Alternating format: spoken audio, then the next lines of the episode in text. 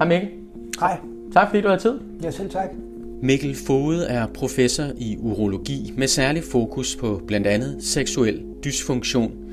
Et område, som mand typisk har svært ved at tale om, men som rigtig mange mænd i løbet af deres liv risikerer at stifte bekendtskab med. Seksuel dysfunktion er den overordnede betegnelse for de lidelser, som for eksempel rejsningsbesvær, der logisk nok har stor indvirkning på muligheden for at dyrke sex. Men det er et problem, vi i høj grad bør tale mere om, når det drejer sig om mænds sundhedstilstand. Rigtig mange mænd, der, der lider af en eller anden form for seksuel dysfunktion, de får ikke nogen behandling for det. De, de taler ikke med nogen om det, fordi det er pinligt, og, og det ved vi fra, fra mange af de patienter, der kommer ind. De, de tror nærmest, de er de eneste med, med, med nogle af de problemer, de kan komme ind med. For selvom vi måske er vant til at høre om, at mænd passer for dårligt på sig selv, er for dårlige til at gå til lægen, og endda lever kortere end kvinder, og at seksuel dysfunktion set i det lys kan virke som et mindre problem, så er der tale om mere end bare et seksuelt problem, og i stedet noget, der kan sætte voldsomme spor i de berørtes livskvalitet, og samtidig kan være et advarselstegn om underliggende sygdom. Men hvor mange mænd rammes egentlig af disse udfordringer? Hvorfor sker det? Hvad er konsekvenserne? Hvad kan man selv gøre for at undgå det? Og hvilke muligheder ser læger og forskere inden for behandling? Det er spørgsmål, som du kan blive klogere på i denne udgave af Vores Viden. Altså man kan sige, for det første er det fuldstændig rigtigt, det du starter med at sige, at mænd er for dårlige til at passe på sig selv, og vi er for dårlige til at gå til læge, og det er der også øh, for lidt fokus på generelt. Og, øh, og, og, og et af de problemer, som, som er rigtig hyppigt, det er, øh, er seksuel dysfunktion. Og det kan være nemt at negligere sådan et problem, når man siger, at der er nogle andre ting, som virker mere alvorlige, og skal man egentlig gå til læge med det? Og, og udover det, øh, Øh, så kan det være pinligt og svært at, at, at tale om. Men det er alligevel vigtigt, fordi det handler om livskvalitet. Og, øh, og livskvaliteten, den har altså en betydning. Så vi skal ikke kun fokusere, det har vi lidt en tendens til i, i sundhedsvæsenet en gang imellem. Vi skal ikke kun fokusere på livslængde, vi skal også fokusere på livskvalitet. Så, så alt vi laver skal ikke handle om at gøre livet længere, det skal også handle om at gøre det bedre. Og seksuel dysfunktion kan have, have rigtig stor indflydelse på livet på forskellige måder. Så med andre ord, det er et vigtigt område? Det er absolut et vigtigt område, og det tror jeg, det ved man ikke nødvendigvis, så længe man ikke selv har problemer. Men når problemerne først begynder at opstå, så bliver det vigtigt. Øh, det er hyppigt, seksuel dysfunktion, og, øh, og ligesom den første, den, den, den, den væsentligste, som man taler rigtig meget om, det er rejsningsbesvær, men der findes også en, en hel del andre. For eksempel noget, der hedder Peyrones sygdom, eller, eller på dansk populært sagt en krummerik, som er en bindevævssygdom i penis, hvor penis trækker skævt. Så findes der problemer med udløsningen, der findes problemer med seksuel lyst, og øh, der er nogle men, mennesker og, og, og mænd i den her sammenhæng, der har smerter i forbindelse med seksuel aktivitet. Så, så der findes en hel masse forskellige øh, ting, og som sagt, de er svære at tale om. Du siger, det er, det er hyppigt. Altså, hvad er problemets øh, omfang egentlig? Så omfanget overordnet set er, at, at i Danmark, der er lavet for, for relativt nylig en meget stor spørgeskemaundersøgelse, hvor omkring 23.000 mænd deltog. Den udgik fra, øh, fra Aalborg Universitet, øh, hed projekt Sexus, og der var der cirka en tredjedel, eller lige knap en tredjedel af alle mænd over alle aldersgrupper, der havde problemer med rejsningen. Hvis man kigger på mænd, der er en lille smule ældre, alle mænd over 40, så er det cirka 50 procent, der har et eller andet problem med rejsningen, og, og forekomsten af det, den stiger med, med alderen. Og selvom der er en myte om, at jo ældre man bliver, jo mindre betyder sex, så betyder sex stadigvæk ganske meget for, for mange mænd, selvom de er blevet en lille smule ældre. Så, så det er vigtigt. Øh, I forhold til det her med, med at, at udvikle en bindevævssygdom, så penis bliver skæv, så er det op mod 10 procent, Øh, der oplever det faktisk. Det er typisk 50-60 års alderen, men der er også nogen, der er født med, med en penis, der er så skæv, at man har svært ved at have sex. Og igen, det er noget, der er svært at tale om. Og, øh, og problemer med udløsning og orgasme, øh, det er lidt afhængigt af, hvordan man definerer det. Men det er faktisk op mod en tredjedel, der i hvert fald subjektivt oplever, at det her ikke fungerer, som det skal. Så det, det er meget hyppigt.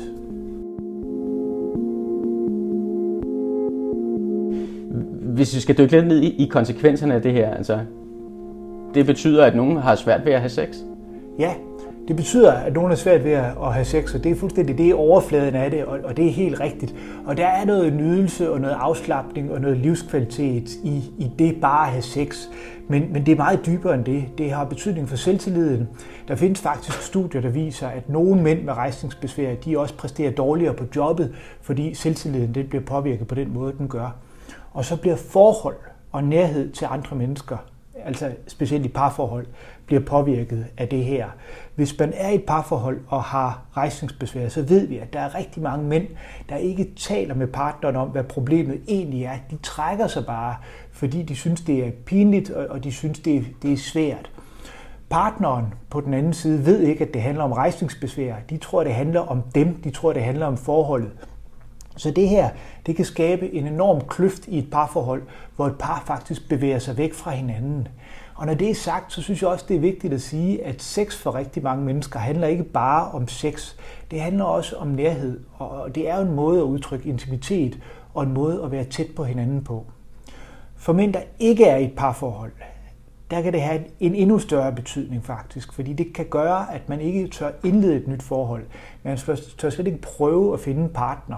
Og det ved vi alle sammen, hvor meget det betyder at, at have nogle mennesker i sit liv. Så, så det kan faktisk også føre til en, hvis ikke ligefrem social isolation, så i hvert fald en, en øh, isolation i forhold til at have en partner, i forhold til, til den der intime del af livet, og, og det med at have et meget tæt forhold til et andet menneske.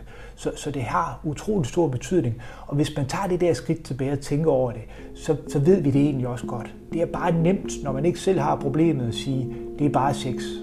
Det er ikke bare sex.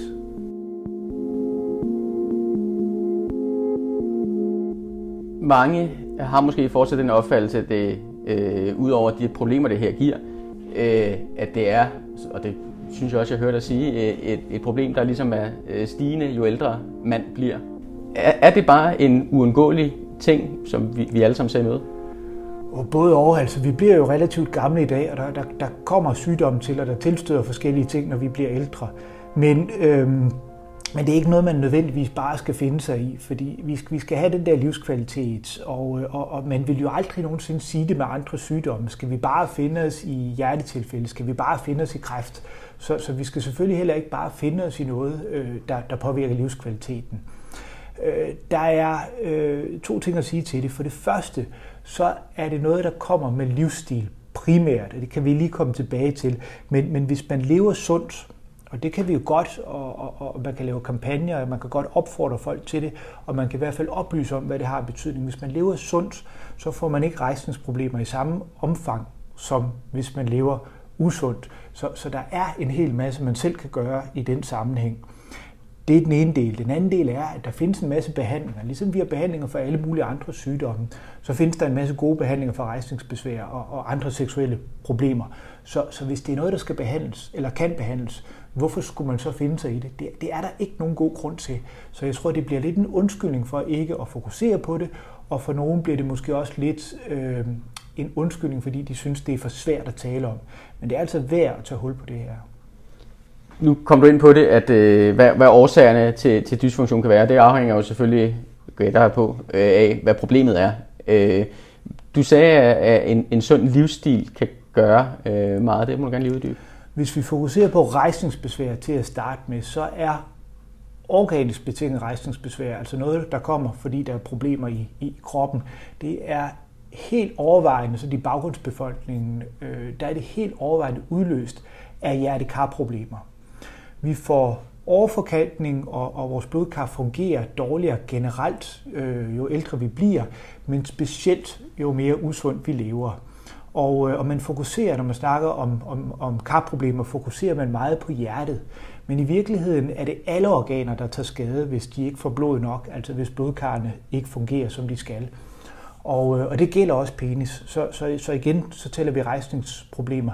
De kommer øh, af, af problemer med, med karsystemet. Og ovenikøbet, så er det sådan, at blodkarrene til penis er relativt små i forhold til for eksempel blodkarrene til hjertet. Så rejsningsproblemer, de opstår typisk før mere alvorlige hjertekarsygdomme. Og der har vi en del undersøgelser, der viser, at vinduet faktisk, og det her bliver det vigtigt i et andet perspektiv, men vinduet fra man oplever rejsningsbesvær, hvis det skyldes problemer i blodkarrene, til man oplever mere alvorlig hjertekarsygdom, der kan blive livstruende. Det er cirka 3-5 år. Så faktisk kan seksuel dysfunktion bruges som, øh, til at forudsige mere alvorlig sygdom, og som et rødt flag, der siger, at øh, nu skal man til at gøre noget i forhold til, til sin livsstil. Det er også noget øh, arbejde i, i, øh, i, i samarbejde med hjertefolkene her på hospitalet. Ja, det er faktisk noget, vi gør meget ud af at undersøge. Vi har en phd øh, studerende og et phd projekt i gang nu i, i samarbejde med, med kardiologerne på Gentofte, lige præcis, øh, som, som tilbyder hjertescanninger og en hel række blodprøver til mænd, der kommer ind med rejsningsbesvær. Øh, så, så i første omgang er det en screening af de mænd, og, og i virkeligheden et tilbud til dem, og vi finder faktisk nogle ting, som, som man skal gå videre med. Og, øh, og i anden ombæring, der er det også for virkelig at kortlægge det her problem. Altså, hvor, hvor, hvor dårlige er hjerterne hos mænd, der kommer ind med rejsningsbesvær. Så det er noget meget væsentlig forskning, vi er i gang med. Og man kan sige, øh, det kan jo have en, en, en dobbelt effekt. Altså, det kan blive godt på to måder. Det kan hjælpe nogle mænd i forhold til deres hjerter, hvis de først er præsenteret med øh, rejsningsbesvær. Men omvendt kan, hvis sådan noget her bliver, bliver ordentligt kendt i offentligheden, kan det måske også gøre, at mænd med rejsningsbesvær får et ekstra incitament for at komme til lægen, fordi det ikke bare er livskvaliteten, men faktisk også livslængden, der kan blive ændret, når man tager det her problem op. Det er så et, det er så et område, hvor man, hvor man kan snakke om årsagerne, altså de, de, de fysiske, og det er jo typisk det, I, I beskæftiger med herude på, på hospitalet, det er de, når folk kommer ind med, med fysiske årsager til, til, til, til de problemer, de kommer ind med, ikke? Jo, det er rigtigt, øh, og, og, og det er fint, du siger det på den måde, fordi så skarpt skal man ikke helt stille det op, det skal man passe på med. Altså rejsningsbesvær kan skyldes, øh, i princippet kan det skyldes noget rent fysisk, at der er et eller andet galt med mekanikken, og i princippet kan det skyldes noget rent psykisk, altså at man af en eller anden grund har det skidt, eller bliver nervøs eller angst i forbindelse med sex, og, øh, og derfor ligesom tænker rejsningen ned. Altså hvis man bliver angst, eller for, altså det kan være præstationsangst, eller, eller, eller nervøsitet, eller, eller på en eller anden anden måde en dårlig stemning i forbindelse med sex, så kan man faktisk tænke rejsningen ned, fordi øh, når, man, når man oplever de følelser, så udskiller kroppen nogle hormoner og aktiverer nogle nerver, der får rejsningen til at falde. Så der findes organisk og psykisk rejsningsbesvær teoretisk set. I praksis, og det her det er sådan set meget logisk, men i praksis er det sådan, at langt de fleste mænd, der oplever en eller anden grad af rejsningsbesvær, om det er på grund af noget fysisk, der begynder at komme, eller om det er en eller anden tilfældighed, eller hvorfor man oplever noget til at starte med, jamen de vil begynde at blive nervøse for deres præstation næste gang. Så det bygger ovenpå, og det vil også sige, at langt de fleste, der har organisk rejsningsbesvær, de får en psykisk komponent bygget oven på deres rejsningsbesvær, der gør tingene værre. Så det er ikke noget, man bare skal forsøge at klare med medicin. Man skal selvfølgelig også tale med folk. Altså noget af det mest udbredte, som, som, som vi ikke taler så meget om, det er som sagt den her bindevævssygdom, Peyronie's sygdom. Øh, og, og det er en bindevævssygdom i penis. Vi ved ikke helt, hvorfor den kommer. Teorien er, at der er et eller andet traume på penis til at starte med, men, men, men de fleste har ikke, har ikke en historie med, med, med, at de har slået sig. Så, så måske er det bare i forbindelse med almindelig seksuel aktivitet, at der sker et eller andet. Men, men, men, men der, der øh, kommer et eller andet, øh, et eller andet sår, eller et eller andet øh, problem i øh, den bindevævshinde, der ligger nede i penis rundt omkring svulmelæmerne. Og hvis man er genetisk disponeret, og det er vi desværre i Norden, for det er et form for vikingegen, øh, så risikerer man, at ophelingsprocessen den bliver defekt, forstået på den måde, at i stedet for, at penis bliver ligesom den var før, øh, så kommer der en, sådan en, en, en slags betændelsesproces uden, uden bakterier, øh, der gør, at, at der dannes en, en, en, sådan et bindevævsplak, altså simpelthen et hårdt område i, i den der hinde omkring penis. Og det hårde område, når det vokser, så kan det trække penis skæv. For det første gør det, gør det ofte ondt, mens det udvikler sig, og så kan det trække penis skæv, så den peger, peger den ene eller den anden retning. Hvis det er særligt udtalt, så giver det problemer med at have samleje, fordi penis er blevet skæv. Og det her det er noget, der psykisk går mænd rigtig meget på, og som jeg sagde til at starte med, så tror de, de er alene med det, når de kommer ind, men det er faktisk op mod 10 procent, der oplever det. Det har fået en lille smule opmærksomhed på det sidste, men, men der er lidt en tendens til, at, at når det er i offentligheden, så bliver der givet nogle løfter til behandling, som ikke helt holder, og, og, og det, øh, vi vil meget gerne se de mænd og tale med dem og prøve at hjælpe dem. Så i et vist omfang kan man selv gøre noget for at afhjælpe de problemer? Altså faktisk er det sådan, at, at der er en, en, en sammenhæng mellem den her Peyronie's sygdom og, og, og underliggende hjertekarproblemer også. Og, øh, og den sammenhæng ved vi mindre om en sammenhæng med, med rejsningsbesvær, og det er også noget, vi kommer til at undersøge nærmere her på, øh, på, på stedet. Øh, men, men man kan ikke sikre sig mod det, men man kan, man kan nedsætte risikoen igen, hvis man lever sundt. Og leve sundt her, bare for at slå det fast, det er leve sundt ligesom var alle mulige andre øh, områder. Og leve sundt, ikke, det er frygtelig kedeligt, øh, fordi øh, der er ikke nogen magisk pille, der er ikke en, en, en særlig måde, man kan gøre det på. Det er simpelt, og vi ved alle sammen godt, hvad det er, der skal til. Øh, det er bare svært at gøre.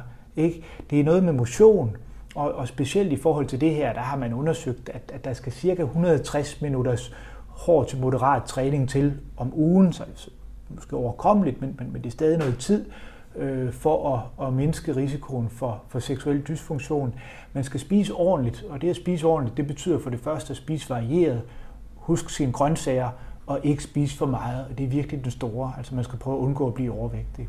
Og så er der nogle fedtstoffer, der er bedre end andre. Det er de der umættede fedtstoffer, som er for eksempel i, i olier, men ikke i kød og ikke i smør. Så for lige at, at opsummere, vi har ikke at gøre med noget, der bare er isoleret til sex. Det er udfordringer, der, der, der sætter sig over ens liv, øh, bredt forstået. Og der er rigtig mange mænd, der rammes af forskellige øh, seksuelle dysfunktioner. Det går ud over livskvaliteten, og det kan samtidig fungere som et advarselsflag for en generel sygdomstilstand, for eksempel med hjertekar. Absolut. Altså det hele er rigtigt. Det er generelt sygdom i hele kroppen, vi kigger efter, og det påvirker psyken i meget høj grad.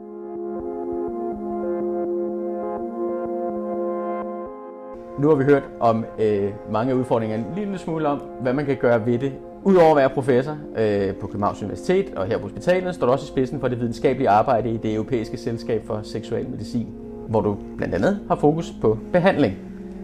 Så er det oplagt at spørge dig, er der lys for enden af tunnelen i forhold til at hjælpe de mange mænd, som er ramt af seksuel dysfunktion? Altså, der er sindssygt meget, vi kan gøre i virkeligheden, når mænd kommer ind med de her problemer. Og, øh, og man kan sige, at det første, der skal gøres, det er altid at kigge på livsstilen, kigge på, er der noget underliggende sygdom, man ikke har fundet, som skal behandles, øh, forhøjet blodtryk, sukkersyge, overvægt osv. Så, så alle de der ting, vi har været en lille smule inde på, og dem, dem må man ikke undervurdere. Det kan både gøre funktionen bedre, og, og man mindsker risikoen for, at der bliver yderligere problemer hen ad vejen. Men i slutningen af 90'erne, der kom der noget, der hed Viagra, og alle har hørt om det. Da det kom, der var det på forsiden af Time Magazine, og man betragtede det som et mirakel. Det var fantastisk, man havde fået den her pille. I dag har holdningen ændret sig. I dag øh, er der mange, der har det sådan, at de vil helst ikke tage en pille for at kunne have sex. Men det er god medicin. Det hedder ikke Viagra længere nødvendigvis, det er gået af patent, og man kan få en masse forskellige slags tabletter, men de hjælper cirka 70% med deres rejsningsbesvær, og har i øvrigt formentlig også en effekt i forhold til det her Peyronie's sygdom, som jeg også gerne vil tale om. Hvis det ikke virker, og det gør det altså faktisk hos de fleste. Hvis det ikke virker, så findes der nogle andre behandlinger, noget vi kalder lokal behandling.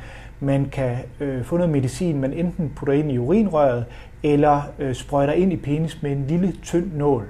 Og det lyder værre, end det er. Der er mange, der skræmte, når de hører det, men det gør ikke ondt, og det er super effektiv medicin. Så hvis man prøver det og synes om det, så kan man meget ofte få sine rejsninger tilbage, selv hvis tabletterne ikke dur. Som et alternativ findes der noget, der hedder penispumper, hvor man sådan kan skabe undertryk omkring penis og passivt trække blodet ned i penis. Det er en mulighed, hvis man ikke vil have medicin.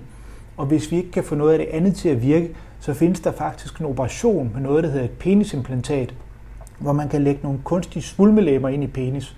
Og igen, det lyder meget specielt, men lige præcis den operation har cirka 90% patienttilfredshed. Og det kender jeg ikke ret mange behandlinger, jeg har. Så det er en rigtig god mulighed, og der findes mange rigtig gode etablerede behandlinger. Afhængig af selvfølgelig, øh, hvilke symptomer man har på, på sygdom, øh, hvilken vej man skal gå. Og ja, absolut. Altså man kan sige, nu, nu fokuserer jeg på det organiske, ikke? Og, øh, og, og man skal huske at tage en, en sådan en, det, der hedder en biopsykosocial øh, Øh, tilgang til tingene. Man skal også tale med folk om, hvad det betyder for dem. Man skal prøve at, øh, at dæmpe den der præstationsangst. Man skal jo sikre sig, at der ikke er helt urealistiske forventninger til, hvad man skulle kunne præstere, fordi det giver dobbelt problemer. Og, og så skal man også have et opmærksomhed på partneren, altså der er et samspil der, der betyder noget. Så, så behandlingen, jeg skitserer, er, er, er for sådan den, den, de organiske problemer. Det er jo mange, og det lyder jo dejligt, mm. at, der, at der er sket noget i løbet af de sidste 20-30 år inden for det her område. Hvis man færdes på internettet, så vil man jo nok opdage, at der findes utrolig mange tilbud om alt muligt, også inden for det her område. Tilbud til mænd, der har udfordringer med sexlivet. Hvordan skal man forholde sig til det? Fordi, som du også har nævnt, så er det jo et område, som kan være svært at gå til sin læge med. Så kunne det være fint, hvis man kunne klare det i, i internettets afkrog. Er det en god idé? Ja. Der findes utrolig mange forskellige tilbud, det har du ret i, og, øh, og, og det de ganske ofte bærer præg af sådan nogle tilbud, det er, at der er nogle mennesker bag dem, der lukrerer på den der usikkerhed og på den der sygdom, som man ikke har lyst til at tale med nogen om, og så vil de forsøge at tjene penge på det. Og helt overvejende så er det sådan, at de ting, man kan få på nettet, øh, de ikke fungerer. Måske med undtagelse af, at man kan købe de her penispumper, jeg nævnte på nettet. Men alt den medicin, man får, er enten uvirksom, og der findes en masse kosttilskud. For eksempel findes der en masse kosttilskud, hvor, hvor, hvor man påstår, at det kan forhøje ens testosteronniveau. Og det er ikke sandt. Det er der ikke nogen af de kosttilskud, øh, der kan. Vi er tilbage ved det der kedelige med at leve sundt, hvis man skal have en bedre seksuel funktion og øh, højere testosteron. Så kan man også få øh, en hel masse Viagra-præparater på internettet, og, øh, og dem findes der nogle analyser af. Og helt generelt, der er man heldig, hvis de indeholder en lille, bare en lille smule Viagra. Øh, de kan indeholde en masse uvirksomt stof, og hvis man er rigtig uheldig, så indeholder de noget stof, der er farligt. Så det der skal man forsøge at holde sig fra. Man kan sagtens tale med sin egen læge om det. Det er det, man bør gøre. Det, man får på apoteket, er det rigtige medicin. Det fungerer som sagt super godt, og, øh, og det er blevet billigt efter det er gået af patent. Så der er ingen grund til at kigge i afkrog på internettet. I forsker jo også her, og, og prøver at udvide paletten, kan man sige, øh, mm. af, af behandlingsmetoder. Hvad, hvad er noget af det mest øh, spændende, øh, som, som I sidder med lige nu? Altså noget af, af det, der er nyt sådan helt generelt, det er, at man prøver at behandle igen regenerativ medicin. Man vil gerne have tingene til at fungere igen.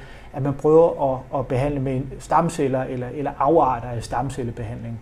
Og, og det er noget, vi er gået en lille smule med i. Jeg er med i et, et pilotprojekt, vi er i gang med at få, få publiceret nu, hvor vi har set på 10 patienter, at sådan noget stamcellebehandling ser sikkert ud. Der er ikke nogen, noget farligt i det, der er ikke nogen problemer i det. Øh, om det virker, det er noget, fremtiden kommer til at vise. Så igen, hvis man bare en advarsel igen, hvis man får sådan noget tilbudt, så vil jeg sige, så mangler vi dokumentationen, og den vil vi gerne være med til at skaffe. Også fordi vi vil være brutalt ærlige for nu at sige det som det er, at hvis det ikke virker, så er det det, vi kommer til at rapportere. En anden ting, vi faktisk er ved at undersøge, som lyder meget mere banal, men, men jeg kan godt lide at træde de der skridt tilbage, det er, om bækkenbundstræning kan have en effekt på rejsningen. Og det har man sagt i mange år, at det har. Der er nogen, der mener, det er rigtigt, og nogen, der ikke tror på det, men det er aldrig ordentligt undersøgt. Så der er vi i gang med et stort øh, lodtrækningsforsøg, hvor vi vil sammenligne bækkenbundstræning og observation, og så se, om man kan gøre noget der. Altså igen en lidt mere naturlig vej for at få bedre rejsninger. Hvis man nu sidder og tænker, åh, kunne de dog ikke bare, nu siger du, der findes tabletter allerede, det er det, det man tit siger, hvis der bare var en pille for det. Hvad, hvad er det, man skal, egentlig skal håbe på, at sådan nogen som dig, øh, I finder ud af øh, i fremtiden? Hvad, hvad, hvad, hvad er den bedste løsning på det her, hvis du ser det? Det er et godt spørgsmål. Øh, jeg tror, vi skal, øh, vi skal være fokuseret på det her fra starten med, at, at en sund livsstil kan, kan forebygge seksuel dysfunktion og kan forebygge rejsningsbesvær, fordi en sund livsstil fra starten har så mange andre fordele. Og, og, og det er aldrig for sent. Altså hvis man først har problemerne, så igen at træde det der skridt tilbage og sige, jamen hvad kan jeg gøre i forhold til min livsstil?